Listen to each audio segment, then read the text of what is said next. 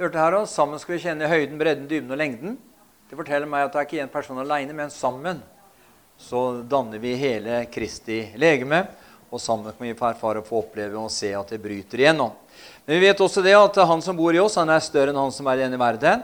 Og han har beseiret den onde. Men allikevel så kan vi erfare og få også oppleve det at selv om han som har beseiret den onde, bor i oss, så kan du og jeg som, eh, kan vi miste fokus noen ganger, vi òg. Vi kan eh, falle til siden, eh, eller falle av midlertidig, for at vi tillater kristenfolket kan tillate små ting å komme imellom, eh, imellom hverandre, som resulterer i at man liksom Nei, nå trekker jeg meg litt tilbake og tar en pause, liksom. Og Man finner ikke noe dekning i Guds ord for å ta pauser, men da har på en måte djevelen vunnet 1-0. Og så, så, blir det etter, etter, hvert da, så blir det verre og verre. liksom, ja, nå har jeg ikke vært på møte på tre måneder, så da ja, nei, jeg får, eh, dropper nå til søndag nå, liksom. Og så til slutt, så lengre tiden går, vanskeligere går det. Eh, vanskeligere blir det. Fordi at det begynte med, Selv om han som bor i deg og meg, er større enn han som er i denne verden, så er ikke dermed sagt at du og jeg vinner seier under alle forhold. For at djevelen kan slitte oss ut på sånne småting som gjør at vi, Og så lar vi det kanskje, kanskje små ting være med oss og skape, skape hindringer eh, imellom eh, lemmene på legemet. Og så blir det da u, eh, ikke disharmoni, jo, da blir disharmoni i legemet istedenfor harmoni. Men vi tror på seier, venner, og vi tror at han som begynte, han skal fullføre. Og sammen skal vi seire. Amen. Halleluja. Så, eh, og eh, derfor er det veldig viktig at for denne det står om at Israels, altså Herren han verken sover eller slumrer ikke. Men det gjør ikke fienden heller. altså. Fienden verken sover eller slumrer, han heller. Han, han går omkring for å, kunne, å stjele og myrde og ødelegge. Han har kommet for å stjele, myrde og ødelegge. Og han går rundt som en brølende løve, står det for å sluke den han får en mulighet til å oppsluke. Det betyr ikke det at han har en mulighet til å sluke noen, men det er i det øyeblikket du og jeg åpner opp for eh, hans, eh, hans, mulighet til å sluke oss, så lar ikke han seg be to ganger. Han tar deg med en gang. Husker du gamle eller Hun er hjemme hos Herren på over 20 år siden, kona til Sten. Og Tove Gjønvold og sa vel her for en 20-25 år siden og sa da at eh, vi må passe oss når vi, når vi, liksom, når vi, vi går våre egne veier og gjør vår egen, at det ikke blir ulvemat. sa hun brukte et ord ulvemat. Og egentlig var det veldig godt sagt. For det var noen som ikke gikk på som, Nei, de hadde, sitt, de hadde sitt, uh, sin gudstjeneste hjemme. da. Enda Guds ord taler om at man skal komme sammen osv. Nå er ikke noen forkleinelse for noen dette her, men jeg bare sier da at det, går an å lide nederlag selv om han som bor i deg, er større enn han som skaper nederlaget. Det er ikke det vi skal preke om i kveld. Jeg skal si litt om uh, det med Kom til meg et møte på, en bønnemøte på onsdag. Så nå er vi jo borti 30 på bønnemøtene på onsdag, og vi opplever det at eh, det er Det er noe på gang nå! Amen. Halleluja. Priset være Herrens navn. Men jeg skal si litt i kveld om dette her med, dette her med modenhet.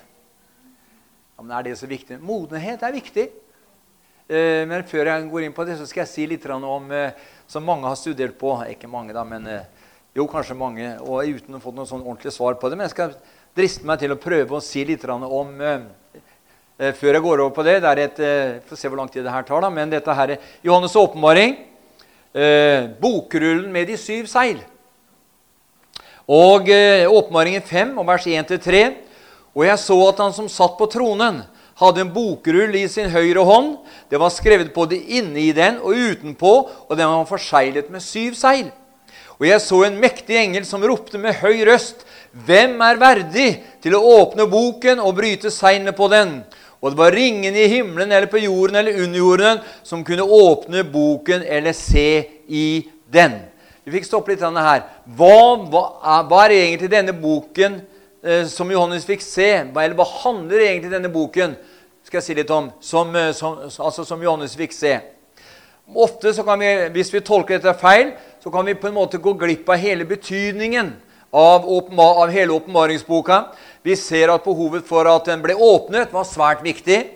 Så viktig at Johannes videre her eh, Da gråt jeg sårt fordi ingen var funnet verdig til å åpne boken eller se i den, skriver Johannes. Han sier her at det, det var så viktig at den boka kunne bli åpna, at Johannes gråt da han fikk se at ingen var verdig til å åpne den. Og denne bokrullen, venner, det er et skjøte. Det er et skjøte. Eh, og vi skal se på et skriftsted fra Gamle testamentet, eh, fra tredje Mosebok, eh, og i kapittel 25, og lese vers 23-25. Det handler om lovene, utløsningslovene, og i tredje Mosebok, kapittel 25, og vers 23-25. Jorden må ikke selges for alle tider. For meg hører landet til, dere er fremmede og gjester hos meg. Hele, I hele det landet dere får til eie, skal dere tillate innløsning av jorden. Når din bror blir fattig og må selge noe av sin jordeiendom, da skal hans løser, hans nærmeste frende, komme og innløse det som hans bror har, solgt, og om en ikke har noen løser, men selv får råd til det, og kommer til å eie det som, eh, som skal til for å innløse det, da skal han regne etter hvor mange år det er gått siden han solgte, og bare betale det overskytende til den mannen han solgte til. Så skal han få sin jordeiendom igjen. Uh, vi ser her at dersom noen kjøpte et stykke land fra sin nabo, så ble dette landet hans eiendom. Det ble kjøperens eiendom. Ikke sant? Det er helt naturlig. Eh, men dersom den nærmeste slektningen til den opprinnelige eieren kom og ville kjøpe jordstykket tilbake, så måtte den nåværende eieren akseptere det kravet om å selge den tilbake. Uansett hvor lyst han måtte ha til å beholde eiendommen. Og denne loven ble kalt altså forløsningen av landet. Kontrakten som ble inngått ved salget av en eiendom, var med andre ord et skjøte. Og eh, etter at den første artikkelen eller avsnittet i kontrakten eller kan jeg bruke ordet enten kontrakten eller skjøtet var skrevet, så ble bokrullen den ble rulla sammen og forseglet med voks og et stempel. Så ble den andre artikkelen altså, eller andre avsnittet skrevet, og den samme forseglingsprosedyren ble fulgt. Og slik fortsatte det for hver nytt avsnitt i skjøtet eller, eh, eller, eller i kontrakten. Hensikten med dette det var, eh, det var for å beskytte skjøtet mot forfalskninger. Derfor ble det besegla. Den beseglede originalen ble tatt med til tempelet og ble oppbevart i arkivene der, mens en kopi av kontrakten ble lagt fram på et sted hvor alle dokumentene i tempelet kunne studeres. Hvor alle de, Det var et åpent skjøte, en kopi av originalen, det var, det var forsegla. Du kunne ikke endre på, på originalen, for den var forsegla, men du kunne endre på kopien, men det hadde ingen, hadde ingen virkning. Så den ble lagt åpenlyst til skue i tempelet, slik at alle kunne se egentlig hva originalen inneholdt. Men det var da en kopi av originalen, slik at den, de som ville det, og nære slektninger, hadde mulighet til å studere betingelsene i det skjøtet, eller la oss bruke det ordet kontrakten. Og dersom en slektning av den opprinnelige eieren leste de betingelsene i en slik kontrakt, og han ønsket å kjøpe eiendommen tilbake, så kunne han henvende seg til den nåværende eieren, altså den nye kjøperen. Eh, han kunne legge fram bevis for at han var en nær slektning av den opprinnelige eieren og ønsket å kjøpe eiendommen tilbake. Eh, da var den nåværende eieren nødt til å samarbeide. Først gav slektningen det beløpet i sølv eller gull som var spesifisert i kontrakten, til den nye eieren. Deretter gikk han til arkivet til tempelet, fant bokrullen eller kontrakten og brøt seilene på bokrullen. Og for hvert seil som ble åpnet, forsikret partene seg om at betingelsene i kontrakten var blitt innfridd. Betaling og alt det, og alt betalingen og slektsforholdet, alt det her eh, stemte overens. Og etter at kontrakten var blitt tilfredsstillende oppfylt foran alle vitnene, ble eierskiftet erklært. Og bokrullen ble brent. Dermed var overdragelsen av eiendommen utført. Hvorfor sier jeg dette? her? Jo, la oss gå inn litt videre nå. Men hva slags skjøte var den bokrullen som Gud hadde i hånden i det synet som Johannes fikk se? Jo, det var et skjøte som gav eiendomsretten til jorden. I første Mosebok, kapittel 1, og vers 26-28 Du har sikkert hørt dette her før, kanskje, men kanskje ikke akkurat i den settingen som jeg sier det nå. Men eh, i 1. Mosebok kapittel 1 og i vers 26-28 så står det Da sa Gud, la oss gjøre mennesker i vårt bilde etter vår lignelse. De skal råde over havets fiskere, over himlenes fugler, over feet og over all jorden, og over hvert kryp som rører seg på jorden. Og Gud skapte mennesket til sitt bilde. Guds bilde skapte han det. Til mann og kvinne skapte han dem. Og Gud velsignet dem og sa til dem, Vær fruktbare og bli mange. Fyll jorden, legg den under dere, og råd over havets fisker og himlenes fugler, og over alt levende eh, som rører seg på jorden. Og så kommer det litt videre an. Vi skal, ja, skal ikke gå noe lenger der. Så kan vi si da at eh, Men da synden kom, skjønner du, så ble denne, denne, deklarasjonen som Gud gjorde her overfor det første mennesket da, da, synden kom, så vet vi at da ble jorden fordervet, og den ble den ondes eiendom. Og faktisk den dag i dag, venner, så er denne jorden faktisk den ondes eiendom. Vi skal se litt på det. For i altså, Matteus 4, eh, og i vers, eh, kapittel, eh, Matteus kapittel 4, og i vers Bare fra Eh, Matteus 4, og fra vers 8 til 10, så sier, så sier Matteus her Og igjen tok djevelen ham, altså Jesus, med opp et meget høyt fjell og viste ham alle verdens riker og deres herlighet, og han sa til ham, Alt dette vil jeg gi deg dersom du vil falle ned og tilbe meg. Da sa Jesus til ham, Bort fra meg, Satan, for det står skrevet:" Herren Gud skal du tilbe, og ham alene skal du tjene. Da forlot djevlene ham, og se, engler kom og tjente ham. Vi ser at hvis ikke Satan virkelig hadde eiendomsretten til jorden, eller disse rikene som djevelen tilbød Jesus her, ville ikke dette vært en reell fristelse. Men det var en reell fristelse for Jesus, fordi at eh, han som tilbød eh, disse rikene til Jesus, han var det eiendomsbesitteren av jorden. Og Jesus ville selvsagt eh, ville ikke, da, ville, da ville det vært en reell fristelse. Dersom, hvis Satan ikke virkelig hadde som jeg sa, ikke virkelig hadde eiendomsretten til disse rikene, ville det ikke vært en reell fristelse. Og Jesus ville selv, selvsagt ikke gå på en løgn som dette, så Satan fikk virkelig eiendomsretten over jorden.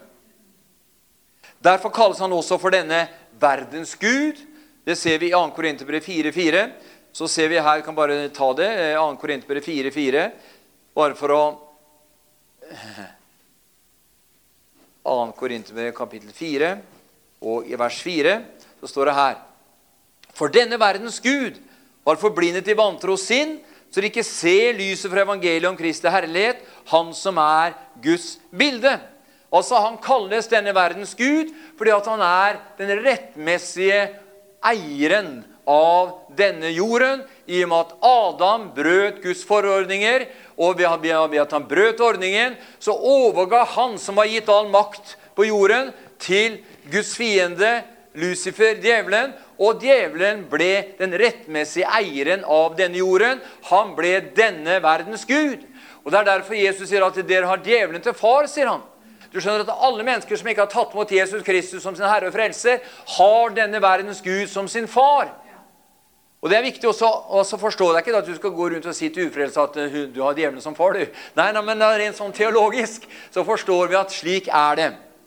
Men der, der, derfor kalles han også denne verdens Gud, som jeg sa. For denne verdens Gud har forblindet i vantro sin, så de ikke ser lyset fra evangeliet om Kristi kjærlighet, han som er Guds bilde. La oss nå gå tilbake til Johannes' åpenbaring. Vi leser at ingen var i stand til å åpne den forseglede bokrullen. Men la oss først se på hvilke kvalifikasjoner som krevdes fra den som skulle være skikket og verdig til å åpne den. Altså Siden Adam var den opprinnelige eieren som hadde fått skjøte fra Gud, måtte den som skulle åpne bokrullen, være en slektning av ham. Med andre ord et menneske. Han måtte være et menneske. Men hvordan kunne et syndig menneske, etterkommer av Adam, være i stand til å utføre dette? Dessuten måtte, han, måtte jo også den som skulle løse ut og, ut og kjøpe eiendommen, være så interessert i eiendommen at han var villig til å betale hele prisen for eiendommen. Og Derfor kan vi konkludere med følgende, venner, at uh, dette mennesket kunne ikke være underlagt syndens makt, slik som Adam var. Ellers så kunne de ikke tatt over. Det måtte altså være et menneske uten synd. I stand til å frikjøpe jorden og samtidig villig til å betale prisen gjennom tortur og død. La oss gå tilbake til åpenbaringen 5 her, så kan vi lese fra vers 5. Men en av de eldste sier til meg, gråt ikke, se løven av Judas stamme, Davids rotskudd, har seiret. Han kan åpne boken og de sju seil på den. Og jeg så og se, midt mellom tronen og de fire livsvesener og de eldste sto det et lam, liksom det hadde vært slaktet. Det hadde sju horn og sju øyne. Det er de sju Guds ånder som er sendt utover hele jorden. Lammet kom bort til ham som satt på tronen, og tok boken ut av hans høyre hånd. Hva fikk vi se her? Jo, vi fikk se at dette lammet hadde vært slaktet. Det hadde vært, som hadde vært slaktet. Jesus men Jesus åpenbarte seg her ikke som Guds sønn, heller ikke som menneskesønnen. Nei, her åpenbarer han seg som et lytefritt lam. Som et lytefritt lam som var det endelige offer for synd. Det greske ordet for dette lammet er arni, arnion, som betyr et vakkert, lytefritt, lite lam. Venner, Jesus var et slikt vakkert, lite lam i Guds øyne. Han var ren, han var uskyldig, han var lytefri. lytefri. Så leser vi at lammet så ut som det hadde vært slaktet. Det så ut som det hadde vært slakta. Jesus vil for evig, venner, bære merkene etter sin korsdød.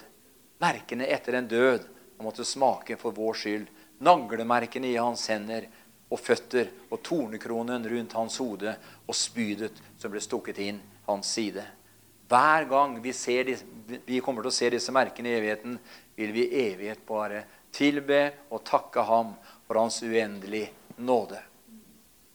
Men så får Johannes se at dette vakre, merkede lammet har syv øyne og syv horn. De syv øyne er et bilde på Den hellige ånd, som ser alt. De syv hornene er et symbol på styrke, da de viser Jesu autoritet og makt. Venner, det var en som var verdig til å åpne og kjøpe skjøte tilbake. Det var Jesus. Halleluja. På samme betingelse som, eh, som loven gjaldt til det naturlige, at det, måtte være en slektning som måtte kjøpe det tilbake, eller man sjøl fikk penger på et seinere tidspunkt, så hadde han i henhold til forløsningsloven rett til å løse det inn. Men her Jesus også, han var funnet verdig som et menneske. Han fornedret seg selv etter korsets død. Derfor har Gud høyt opphøyet ham og gitt ham det navnet som har over alle andre navn. For at i hans navn skulle en dag ethvert kne både i himmelen og på jorden bøye seg og erkjenne at Jesus Kristus er Herre ved Guds Faders ære. De gråt. Lurte på at det var ingen som var verdig. For du skjønner, det Seilet måtte brytes. Halleluja! For at den rettmessige eieren av denne jorden skulle komme tilbake til han som gav den til Adam. Halleluja. Så eh, det er, dette her kommer litt lenger fram. Det kommer vi til, kanskje, kanskje kan få se det vi, når vi er i himmelen. Se han bryter, bryter seilet. Amen. Det forundrer meg ikke om vi kan få stå der og se. De gråter. Og så sier de det finnes en som er verdig. Og så kommer lammet det slaktede fram. Det så ut som han var slakta. Han var slakta på, slakta på korset. Han ble slaktet og torturert for at du og jeg ved troen på ham skulle få del i evig guddommelig liv. Halleluja. Evangelievenner, det er så kraftig. Det er så sterkt. Og det overgår alt annet tenkelig på denne jorden. altså. De, får holde på, de der ute får holde på akkurat som de vil. Jeg skal ikke bruke noe tid på å slå ned på verken det ene eller det andre. Men vi må forkynne Han som har døde, men som står opp igjen. Han som lever og sitter ved Faderens høyre hånd og som bl.a. lever av og gå, i forbønn for deg og meg. Han har for både deg og meg banet for oss alle en ny og levende vei for at du og jeg ved troen på ham skulle få erfare og få oppleve hans godhet, hans uh, kraft, hans styrke, og at det er han som begynte en gode gjerning gjennom deg og meg. Han har til hensikt å fullføre for oss alle. Amen. Jeg tenkte på det her en dag når jeg på 70-tallet så Og jeg er veldig opptatt med Jesu gjenkomst. Så Jeg tenkte på det at ja, skal jeg leve til Jesus kommer igjen? Jeg sa jo til Laila da i 75 at jeg, jeg bør ikke tenke på noen for, for barn eller noe, barn eller noe, for Jesus kommer lenge før det. Men eh, det er jo nå snart eh, det er 45 år siden Jesus har ikke kommet igjen ennå. Men det er, men en, var en ting som tok meg veldig. Jeg sto pris til Gud. Var ute, var ute i Skjeberg, sto pris til Gud. Og så sier jeg til Herren hvordan skal, jeg, skal jeg få lov til å leve når du kommer igjen? Altså, Det er min, opp, min forståelse av hva jeg opplevde. da. Jeg sier ikke at det var Gud som sa det, men det var akkurat som opplevde at ja, du skal få lov til å stå med løftede hender når jeg kommer igjen. Amen. Halleluja. Det forteller meg at jeg med stor sannsynlighet kommer til å leve når Jesus kommer igjen. Og det gjør du òg. Amen. Halleluja. Priset være Jesu navn. Vi skal vokse opp, venner, til manns modenhet, aldersmålet for Kristi fylde, å bli en moden mann. Altså Vi kan si det sånn Hva er modenhet? Jo, modenhet betyr egentlig å kunne håndtere umodenhet. Det var enkelt forklart, da. Det er ikke sikkert, ja. Men vi skal slå opp i Efesbrevet 4. Eh, Efesbrevet 4 eh, og lese fra vers 7. Jeg leste så visst noen av versene her på kan si, på bønnemøtet på onsdag, men det var da jeg tenkte på at det er noe å kanskje gå litt videre med. Og det gjør jeg nå her i kveld. da. I Efesbrevet 4, og fra vers 7 til og med 16 i Jesu navn. Derfor sier Skriften han får opp i det høye og bortførte fanger. Han ga menneskene gaver. Men dette at han får opp, hva er det uten at han først steg ned til jordens lavere deler? Han som steg ned, er den samme som for opp over alle himler for å fylle alt. Han er den som gav noen til apostler, noen til profeter, noen til evangelister, noen til hyrder og lærere. For at de hellige kunne bli gjort i stand til tjenestegjerning, til oppbyggelse av Kristi legeme, inntil vi alle når fram til enhet i tro på Guds sønn og i kjennskap til ham, til manns modenhet, til aldersmålet for Kristi fylde, for at vi ikke lenger skal være umyndige og la oss kaste og drive omkring av hvert lærdomsvind eh, ved, ved menneske, menneskers spill, ved kløkt i villfarelsens listige knep. Sannheten, tro i kjærlighet skal vi i alle måter vokse opp til Han som er hodet, Kristus. For ved ham blir hele legemet sammenføyd og holdt sammen med hvert støttende bånd, alt etter den virksomhet som er tilmålt hver enkelt del, og slik vokser det sin vekst som legeme til sin oppbyggelse i kjærlighet. Altså, eh, vi kan si det sånn at det å vokse opp eh, eh, og bli en moden mann består av to hoveddeler.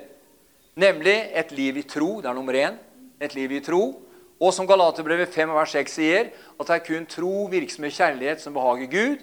Det vil si, det er et liv i tro og et liv i kjærlighet. Det er de to um, eh, hoveddelene i det å vokse opp til manns modenhet.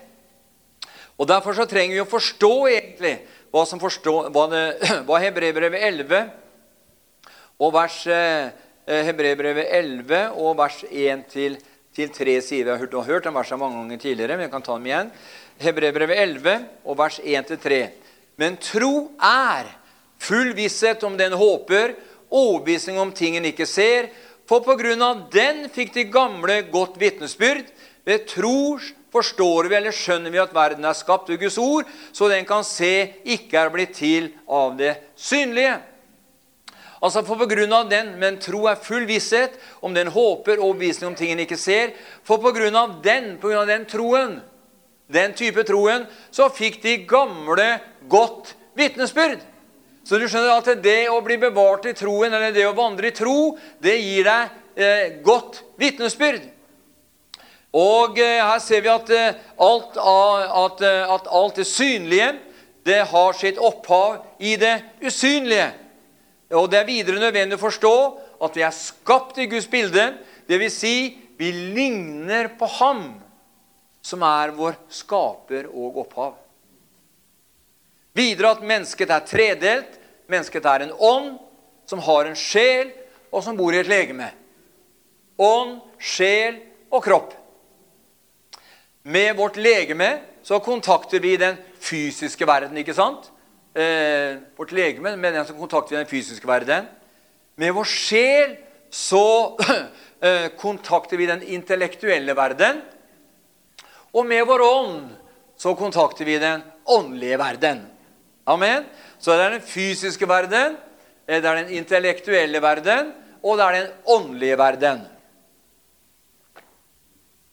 Og vi vet at eh, sier at ånden og kjødet står hverandre imot. For kroppen vår den eh, vil helst ikke ha noe med ånden vår å gjøre. Den vil leve sitt liv, den. Den vil ha sitt, den krever sitt. Når jeg er tørst, når jeg, når jeg er sulten. Nå vil jeg ha det, nå vil jeg ha det, nå vil jeg ha det. Den går liksom ikke på kompromiss, verken det ene eller andre. Den gir til uttrykk. Den gir uttrykk for hva den ønsker. Eh, og det er ikke alltid det kroppen ønsker, er i overensstemmelse med åndens vilje. Og det er Derfor må, må Ånden være kongen i våre liv. Ånden må være kongen som bestemmer over, som har kommandoen over eh, både sjelen Og vi kan si at eh, hvis Ånden er kongen, så er, så er sjelen eh, å si, eh, Sjelen eh, tjeneren. Eller kanskje feil ord, men så er, så er sjelen eh, Eh, jeg skulle si at Hvis ånden er kongen, så er, eh, så er eh, sjelen formann. Og så er da kroppen den er slaven. Den må adlyde hva sjelen sier. Men den vil ikke adlyde hva sjelen sier hvis ikke sjelen er underlagt ånden. Og Det er derfor det er så viktig at vi vokser ved, at, ved vannballen til ordet. Ved at vi tillater ordet å gjennomvaske oss. Og Etter hvert så blir vi for vi, Når ordet får lov til å virke i oss, så vil, mer mer, så vil, vi få mer og mer forståelse, vi får mer og mer kunnskap om hva Guds ord eh, innebærer osv. Og, og det igjen vil føre til at sjelen blir mer og mer underlagt åndens vilje. Så vannbadet i ordet er nøkkelen for at sjelen underlegger seg ånden. Og når sjelen underlegger seg ånden, eh, da kan eh, kroppen bare sprelle og prøve på hva han vil. Og da kan vi si som Paulus Da kan vi si 'kropp, ti!' og være stille. Så Paulus han, han, han, eh, han fungerte i dette, men han sa også 'jeg dør hver dag for eders skyld i Kristus Jesus' igjen'. Det vil si at det var et daglig oppgjør med kjøttet. For det vil ikke lystre. vet du. Det vil ikke lystre. Det skal ha sitt, det. Ikke kan det bli født på ny heller, for det er av kjøtt og blod. vet du. Men eh, vår ånd, den er av Gud. Den er født ovenifra. Halleluja. Uh, som jeg sa, vi er, uh, alt det synlige har sitt opphav i det usynlige.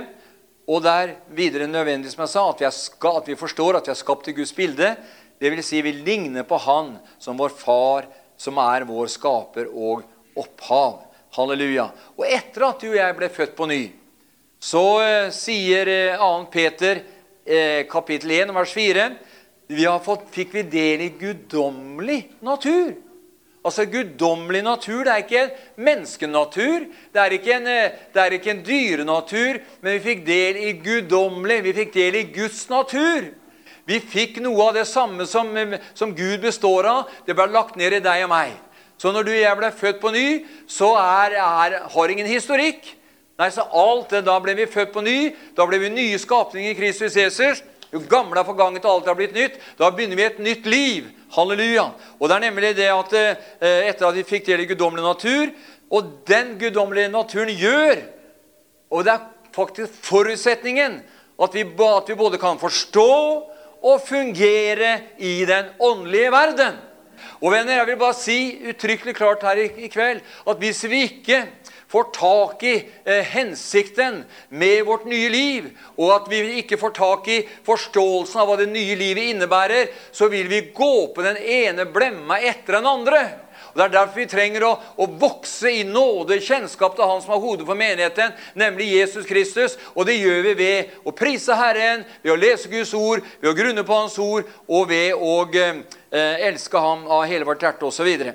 så vet du at, eh, at eh, at uh, guddommelig natur den gjør som jeg sa, at vi både kan forstå og fungere i den åndelige verden. Fordi Gud er ånd.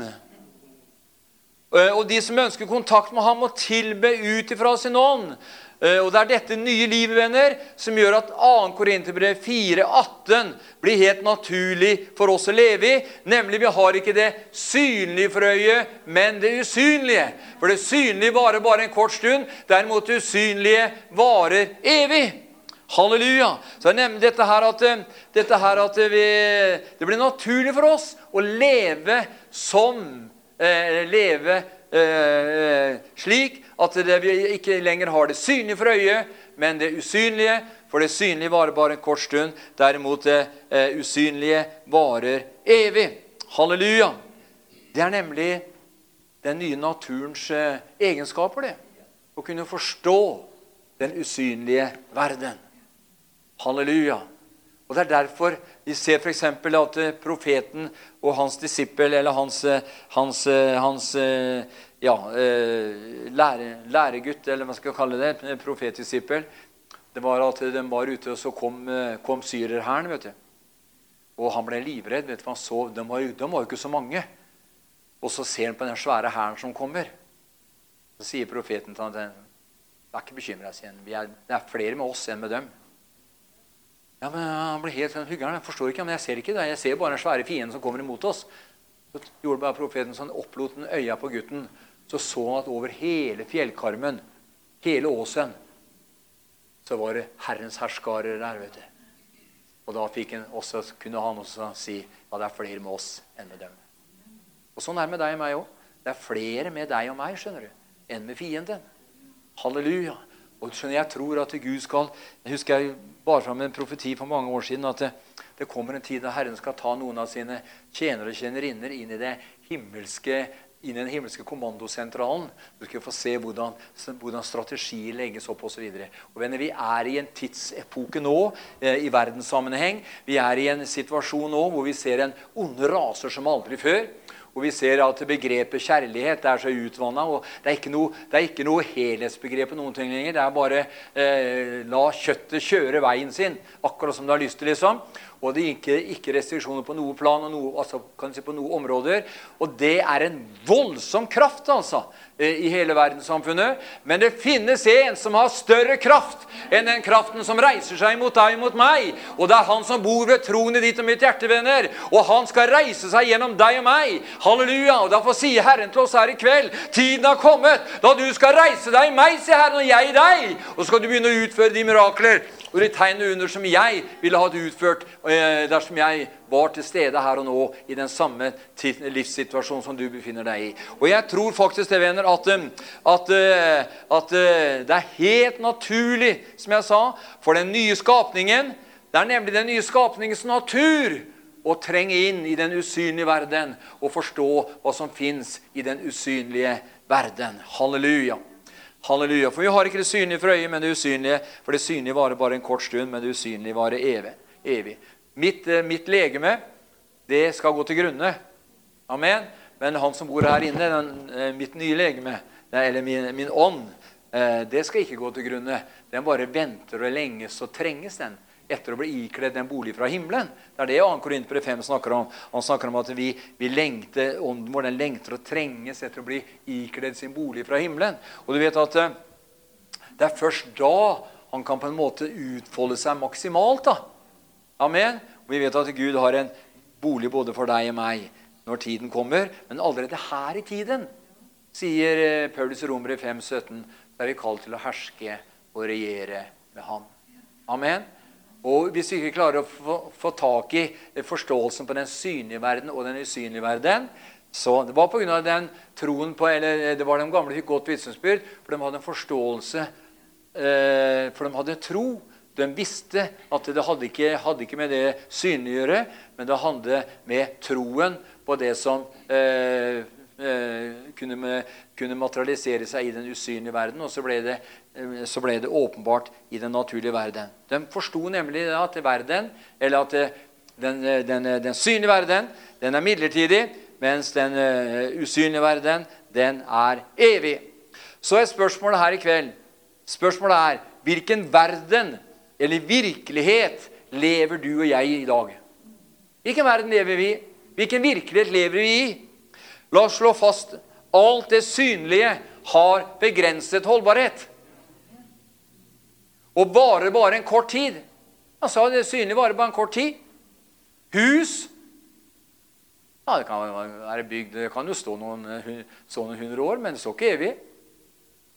Biler ja, det, er, det kan gå fort gærent. Det varer ikke evig.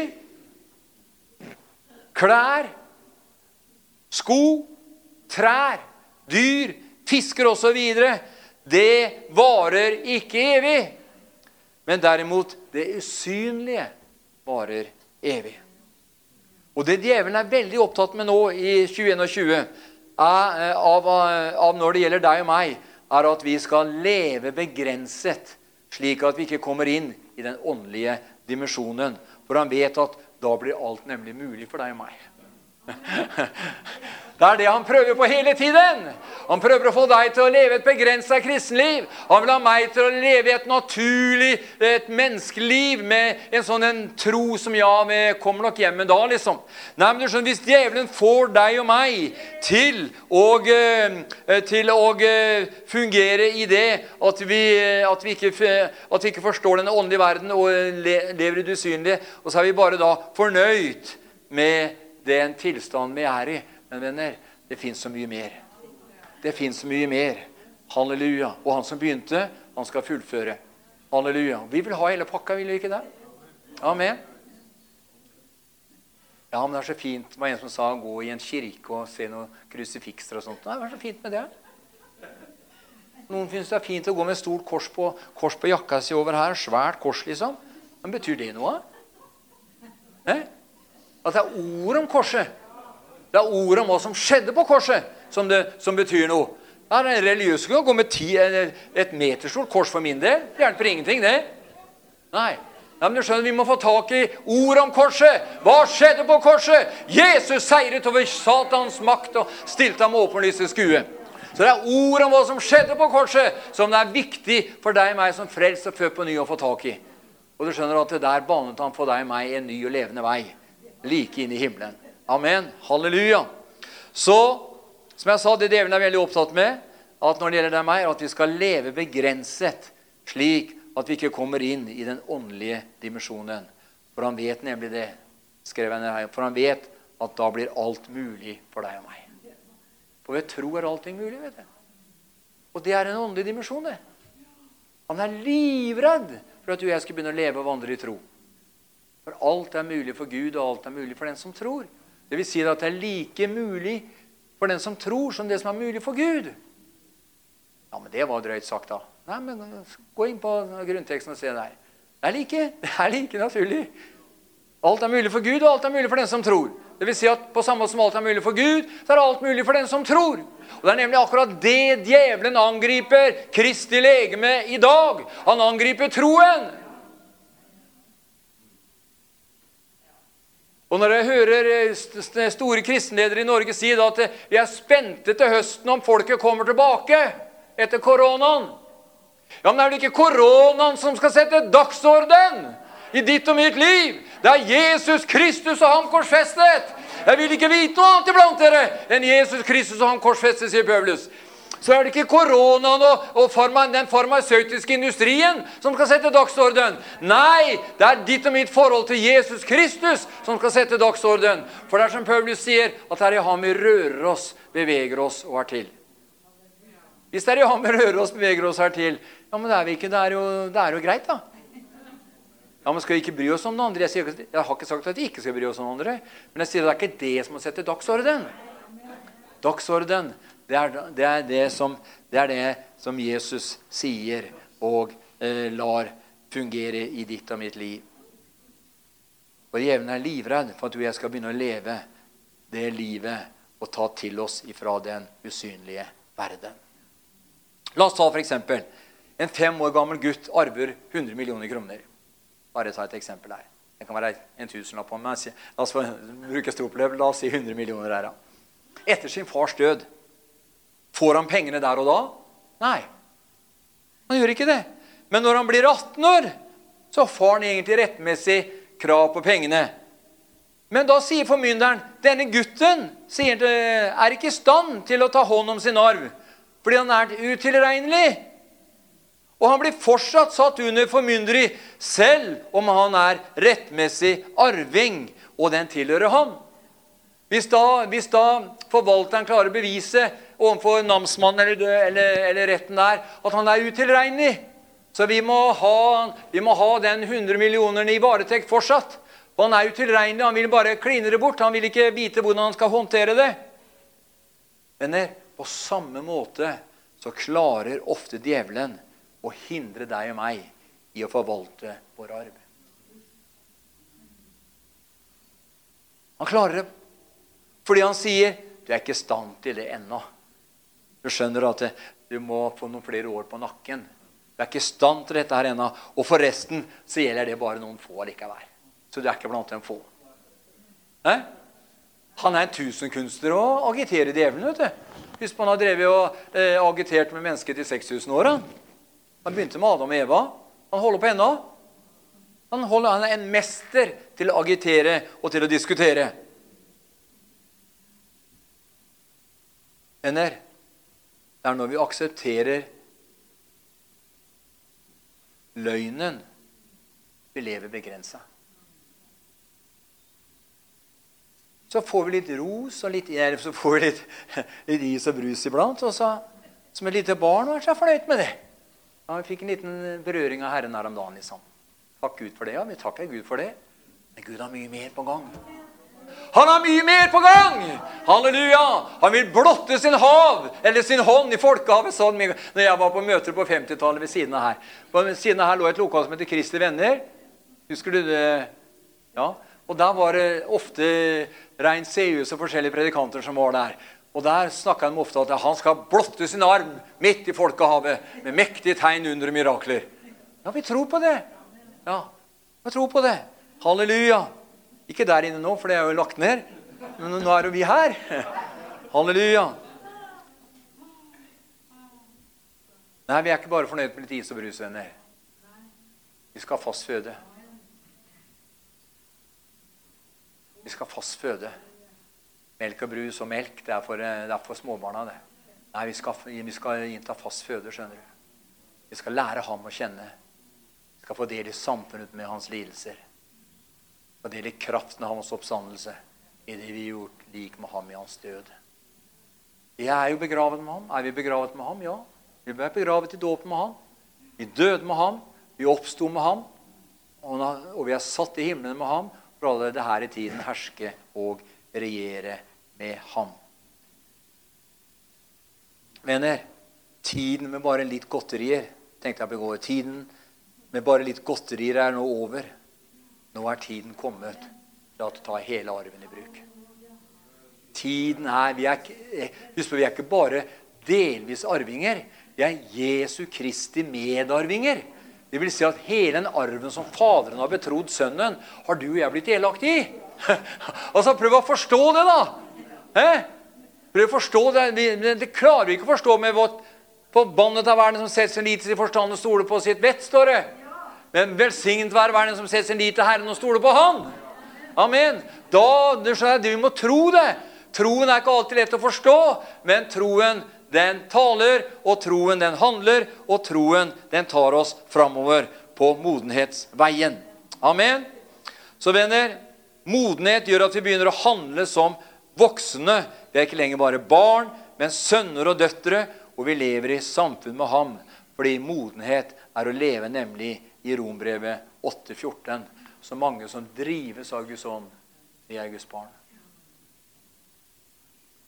Hvem er de andre da? Jeg sier ikke, jeg skal ikke lage svar på det. Men så mange som drives av Guds ånd, det er målet. Det er målet som Paulus har for deg og meg. Det er at du og jeg skal begynne å drives av Guds ånd. Halleluja. Ser om Samson det står at når Guds ånd begynte å drive ham, da vant han seier. vet du. I ordspråkene 4, vers 23 så står det Bevar ditt hjerte. For slik mannen tenker i sitt hjerte, slik er han. Altså, venner, ditt og mitt hjerte, det er usynlig. Du jeg ser ikke hjertet vårt. Ikke sant? Med andre ord det er, eh, det blir da, ja, altså, For slik mannen tenker i sitt hjerte, slik er han. Med andre ord det er hans verden, hans virkelighet. Men hva er så din og min virkelighet, da? For den som lever i Calcutta og har en sykkel, så er det hans virkelighet. Jeg bor i Calcutta, jeg har en sykkel. Det er min virkelighet, det er min verden.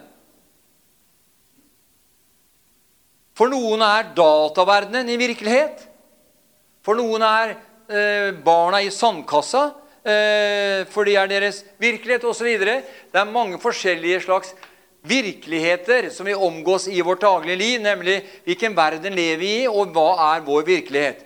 F.eks. Når, når Mr. Bell, nå, han som oppfant telefonen, sa til sin far og sin mor at han, at han trodde han kunne formidle lyd gjennom tråd, så sa de han er blitt syk på sinnet.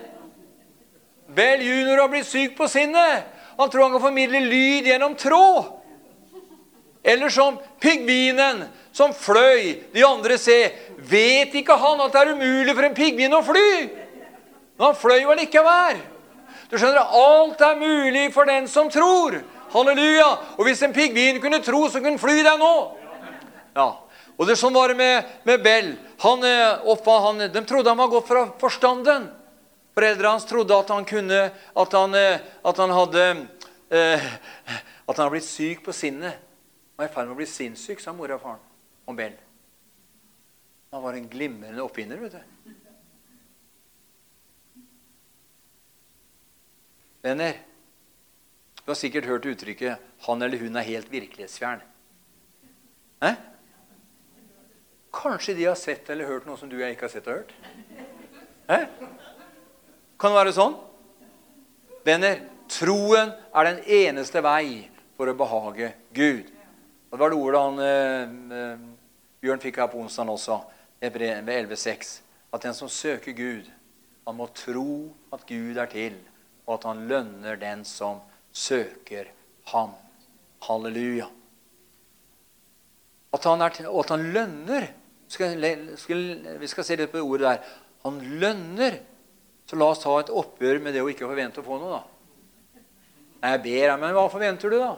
Nei, jeg vet ikke det. Det får komme, det som kommer, liksom. Hæ? Den som søker Gud, han må tro at Gud er til. Og at Gud lønner den som søker ham. Og så han må ha forventning. Han har forventning. Jeg har forventninger. Jeg har sånn forventning også, så jeg er helt sjuk. Ja. Jeg våkner om morgenen midt på natta Kanskje to ganger på natta nå. Men det er at jeg ligger og tenker på dette her at Herre, du som er mektig, du kan gjøre langt mer. Amen. Du kan gjøre langt mer enn det du er i stand til å fatte og forstå og be om. hørte, hørte tidligere her i kveld. Så den som søker Gud, må tro at han er til, og at han lønner den som søker ham. Så vi må ta et oppgjør med manko på forventning. Gud vil at vi skal ha forventning. Vi kom på møtet, står om Lukas sier at, at de eh, mette sendte han tommen bort. Men de hungrige mettet han med gode gaver. Så hvis man liksom ikke har noen forventning og ikke liksom har noe hunger da, etter å få oppleve noe med Herren, så får man ikke noe heller. Men vi må ha en forventning. Gud, hva skal du gjøre i kveld? Når vekkelsen gikk rundt i Azusa strid i 1000 døgn, så var det, så var det, det var sånn et nærvær av Gud. Eh, jeg har gått hjem en gang tidligere, men da var det sånn fire kvartaler unna så var det sånn utgytelse av Guds ånd. At folk som ikke var frelst, kom i syndenød, falt bare rett ned på fortauet og ropte til Gud om frelse. Frels meg, Herre! Ellers så, eh, de så seg som fortapt. Det var en sånn en kraftig utgytelse av Guds ånd. Kan noe tilsvarende skje igjen? Selvfølgelig kan det det! Halleluja! Det, det kommer at du og jeg må, Vi så på den der eh, i Pensacola. Så så vi det var i 95, var det vel. De hadde hatt eh, lange, en lang periode med bønn. Og så var det på Fathers Day var det 95. Over han eh, Kilpatrick, han pastoren der. Og så, og så var det Steve Hill, som var evangelist der, som de hadde på, som de hadde på en kampanje der. Så falt ånden. Men han falt jo på pinsedag, sier noen da. Han har falt. Ja, det er riktig, han falt på pinsedag. Men han, kan, men han ble alltid fylt, vet du. Ikke sant? En ting er at, han ble, at ånden falt på pinsedag, men vi skal leve i et kontinuerlig fylde. Den som drikker av dette vann jeg vil gi. Ikke sant? Så han, Ikke den som en gang drakk, men vi må drikke. Vi må konstant drikke av det levende vannet. Og Da opplevde vi det på Faders i altså Pensacola, at Guds ånd kom og slo ned. altså. Jeg var der borte jeg, eh, en liten tur eh, året etter, og, og, det var sånn et nærvær av Gud der. altså. Så folk som hadde vært frelst lenge, vet du, de kom inn i der, var forskjellige rom der. da. Eh, De starta bibelskole, og det ble over 2000 elever ganske fort. og så videre, da.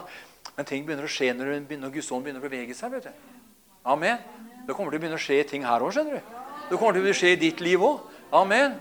Halleluja. Ja, men han eller hun, hva mener de? Det spiller ingen rolle hva de måtte mene og ikke mene. Men du skjønner hva har Gud sagt. Du må holde fast på hva han har sagt. Sa jeg det ikke? At dersom du tror, skal du få se Guds herlighet. Amen. Vi må holde fast ved han. Og det som skjedde der borte, var da at eh, så, eh, så kom, det noen, eh, kom, det noen, sånne litt lærde, lærde bibellærere inn i bildet, da, på, altså på bibelskolen. Og så etter noen år så ble det en splittelse. For de hadde en litt annerledes teologi på visse, på visse områder enn det som Kilpatrick og Steve Hill og dem sto for.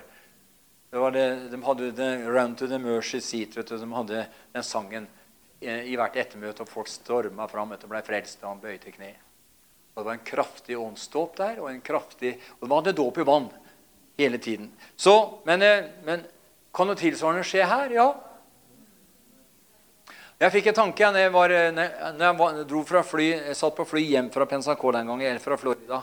Så var vi jo først da i, i eh, i, i altså Toronto, og så på, og var på noe, i hele uke der på møter. Det var den åndsutvidelsen som var i 94-95. Og eh, der var, hadde man sånn, noen kalte det sånn carpet time. Det vil si at det var, da sto de opp på lange rekker. Det var 500-600 som sto i rekker av 50 av gangen. Og så var det menighetens medlemmer som, som ba for hver og en. Og så gikk de rundt og så kom de til meg og ba for meg og profeterte. Og omtrent ba og profeterte nesten for hver og en. Eh, og Der ble, kom folk fra Indonesia, det kom folk fra Malaysia, det kom folk fra lutherske sammenhenger rundt hele verden som kom dit for å møte Gud og få bli åndsdøpt. Men når du kom til Pensacola, eh, da var det dåp og frelse eh, og åndsdåp. Det var det som altså, si, kjennetegnet der. Også at folk ble frelst. Og da tenkte jeg så at det må bli en tredjebølge òg. Liksom var liksom Toronto, og så var det Pensacola. Ja, men så kanskje den, fjerde, den tredje kommer til Østfold. vet du, kan bli det. Nå er jo det ikke noe det er bare sånn, Gud gjør akkurat som han vil, det er ikke det. Men kanskje avslutningen blir noe tilsvarende med Herrens kraft i tegn, under mirakler. jeg tenker på. Amen. Jeg tror på en overnaturlig Gud. Jeg tror ikke på det at det er, at det er, at det, at det er sånn at at det er Ja, nei, vi må ta vare på det som har vært, osv. Gårsdagen er forbi, den. Morgendagen kjenner ingen, men i kveld hjelper Herren. Amen. Og alt er mulig for Gud, og alt er mulig for den som tror. Men La oss gå videre her. Han sier her eh, at dette er med forventning. At han lønner den som søker ham, sier Hebrevet 11, vers 6. Og i Første Mosebok kapittel 1, nei, unnskyld, Første Mosebok kapittel 15, vers 1 så sier Herren til Abraham Dette var etter at han hadde, eh, hadde gitt tiende. Så sier han til Abraham, 'Abraham, din lønn skal være meget stor.' Abraham, din lønn skal være meget stor. Så Gud er interessert i at du skal belønnes. vet du. Ja, men kan vi ikke holde på med Jeg liker så godt den bønnen at jeg, jeg er glad når jeg ingenting har, for da kan jeg være lykkelig og glad. liksom. Nei, men altså, altså jeg er ikke glad når jeg ingenting har. Jeg. Er du det? Nei. Og En, eh, en misjonær han lærte meg en gang vet hvordan du skal gjøre en fattig inder glad. sa. Det er å gi noen penger, sa han. Da ble de glad, sa han. Så penger skaper glede, sa han.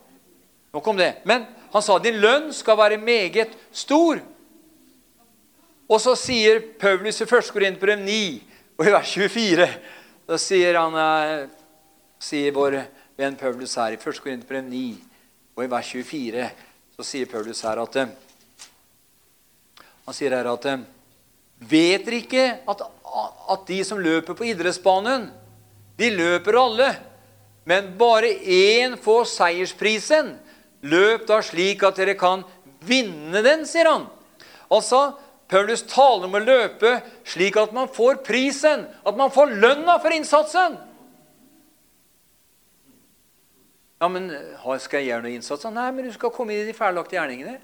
Du skal fungere i de ferdiglagte gjerningene. Så du skal gjøre de gjerninger som Gud virker gjennom deg.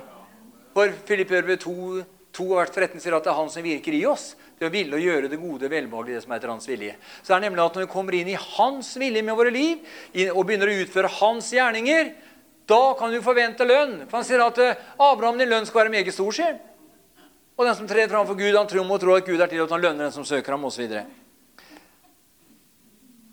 Og det står i Hebrevbrevet 12 Vi skal ta et vers her òg. Skal snart slutte her, men i Hebrevet 12 her.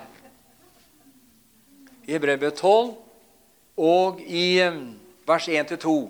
Så la oss derfor, da har vi en så stor sky av vitner omkring oss, legge av alt som tynger, og synden som henger så lett fast, fast i oss, og løpe med tålmodighet i den kamp vi har foran oss, med blikket festa på Jesus, han som er troens opphavsmann og fullender, for å oppnå den glede som ventet ham, led han tålmodig korset, korset, uten å akte vanæren, og har nå satt seg på høyre side av Guds trone. Hva sier han her? Det tales om at Jesus så fram imot lønnen. Derfor led han. Med blikk, eh, eh, ja. Han som, eh, For å oppnå den glede som ventet ham, led han tålmodig korset uten å akte vanæren. At Jesus ender han så fram imot lønnen som ventet ham. Derfor led han tål, tål, tålmodig korset. Så ordet glede der kan også oversettes med lønn. For hvem, Hvilken lønn var Jesus så fram imot? Deg og meg. Du, jeg er hans lønn. Det var det han så fram imot. Det var derfor han led tålmodig korset osv. Halleluja. Paulus sier noe veldig interessant i 1. Korinterbrev 3 og vers 22. Alt tilhører deg og meg i Kristus. Denne veien til denne, til, til denne tilstand er, mod, er modenhetstilstanden. Og hva, betyr, og, hva, og hva, er det? Jo, 1. Peter 2, 2 sier det er melk. Det begynner med melk. Melk er den første maten vi spiser. Og når barnetiden er over, venner, kommer ungdomstiden. Og det er i denne puberteten skjønner du, mange opplever identitetskrise. Mange ungdommer opplever det. Eller tenåringer. Det vil si, de vet ikke, og sånn er det i kristenlivet også. Man kommer i en sånn uh, kristen pubertetsperiode. Men vet liksom ikke hvem de er i Kristus. Og ordet 'vokse til frelse' betyr egentlig modenhet i Kristus Jesus. Halleluja. Halleluja. Men først vi er i Hebrebrevet, så kan vi ta en sab fra Hebrebrevet, Hebrebrevet kapittel 5. Og eh, Hebrebrevet 5 og eh, i vers 12-14 eh, så leser vi her. For skjønt dere etter tiden burde være lærere, trenger dere igjen at noen lærer dere de første grunnleggende ting i Guds ord. Dere er blitt slike som trenger til melk, ikke fast føde.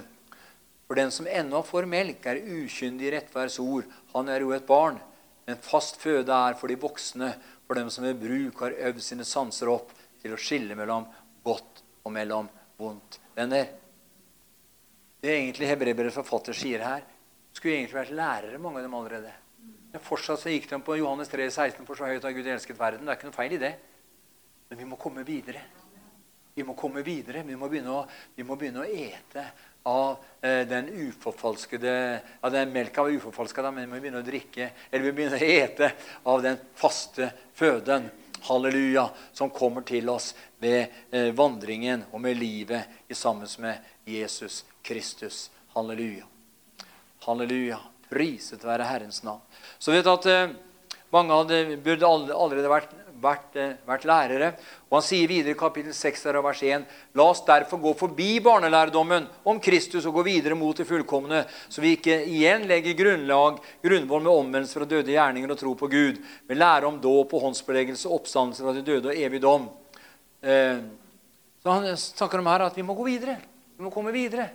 Og videre, venner, Det er det vi begynte med her, nemlig at vi har ikke det synlige for øyet, men det usynlige. For det synlige varer bare en kort stund. Det usynlige varer evig. Halleluja. Priset være Herrens navn. Halleluja. Hosea kapittel 4 vers 6 sier at det er manko på kunnskap. Det vil si forståelse at vi går feil. Det finnes nemlig et liv over vår forstand. Og det er nemlig den sangen som vi synger hver onsdag her nå. Lev og tjen din Gud i åndens nye liv. Halleluja. Det handler om et liv i ånden, venner. Halleluja. Og hvordan vokser vi da? Jo, jeg har sagt det med i ord osv. Og, så og Salme 1 sier salig er den som ikke sitter i synderes sete eller spotteres hus, men har sin lyst til Herrens ord. Og grunner på Hans ord dag og natt. Han skal like tre plantet ved rinnende bekker, som gir sin frukt i sin tid. Og alt av det den personen gjør, skal lykkes for ham. For jeg har kalt deg til å være hode og ikke hale, sier han som kaller oss som utvelger. Jeg har satt deg med meg i himmelen i det aller høyeste, for at du sammen med meg skulle kunne innta det som jeg har for deg. Jeg har nemlig ikke bare eh, planer for deg, sier Herren, men jeg har planer for at du skal få lov til å være en kanal for min frihet, for min kjærlighet, for min godhet og for min kraft og for min styrke i dager som kommer.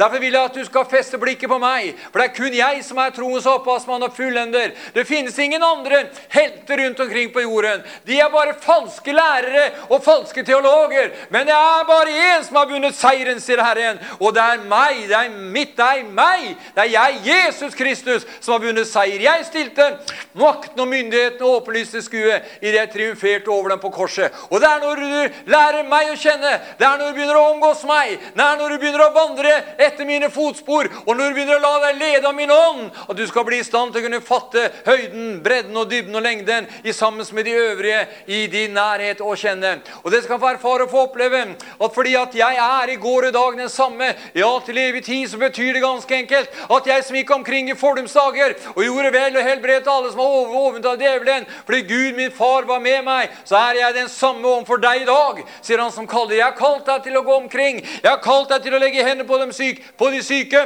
Jeg har kalt deg til å tale mitt ord. Jeg har kalt deg til å feste blikket på meg, jeg som er troens opphavsmann og fullender. Og så skal du få erfare og få oppleve at mange skal ved dine vitnesbyrd, mange skal ved de gjerninger som skjer gjennom din lydighet til meg, komme til tro på meg, sier han som kaller oss som utvelger. For den tid er over da det handler om deg. Den tid er over da det handler om enkeltmennesker. Den tid er over da det handler om den ene eller andre menigheten. Nei, den tiden er nå, sier Herren, da det handler om meg. For det er nemlig jeg, jeg som er veien, sannheten og livet. Og ingen kommer til Faderen foruten meg. Vær derfor du bare riktig frimodig og fest blikket på meg, så skal du få se at når du begynner å gå med meg, så vil alt det andre også komme på plass.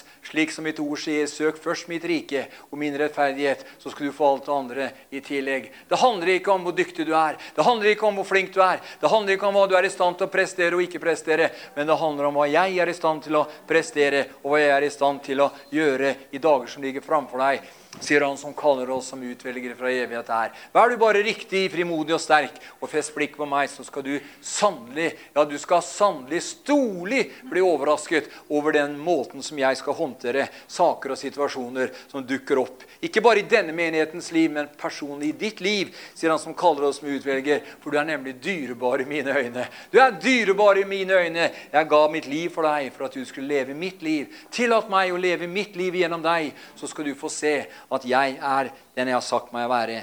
Jeg er veien, jeg er sannheten, og jeg er livet. Og ingen kommer til Faderen foruten ved og gjennom deg, gjennom meg. Halleluja. Halleluja.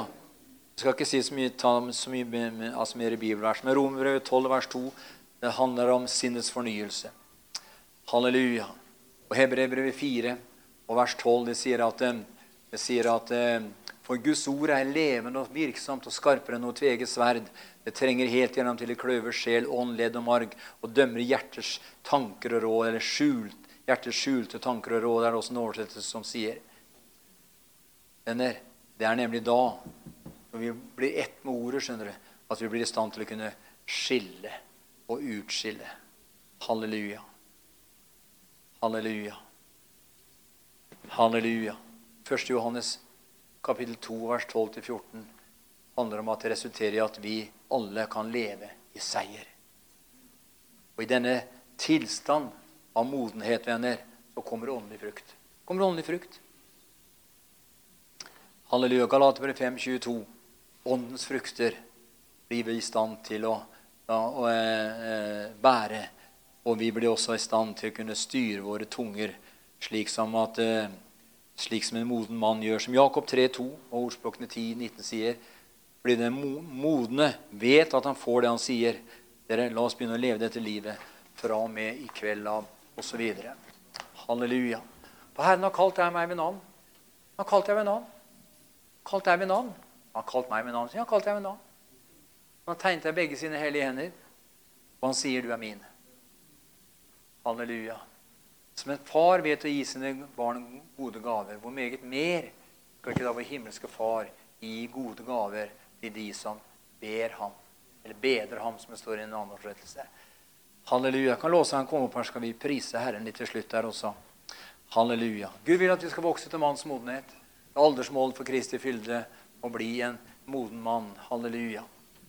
Halleluja. Priset være Jesu navn.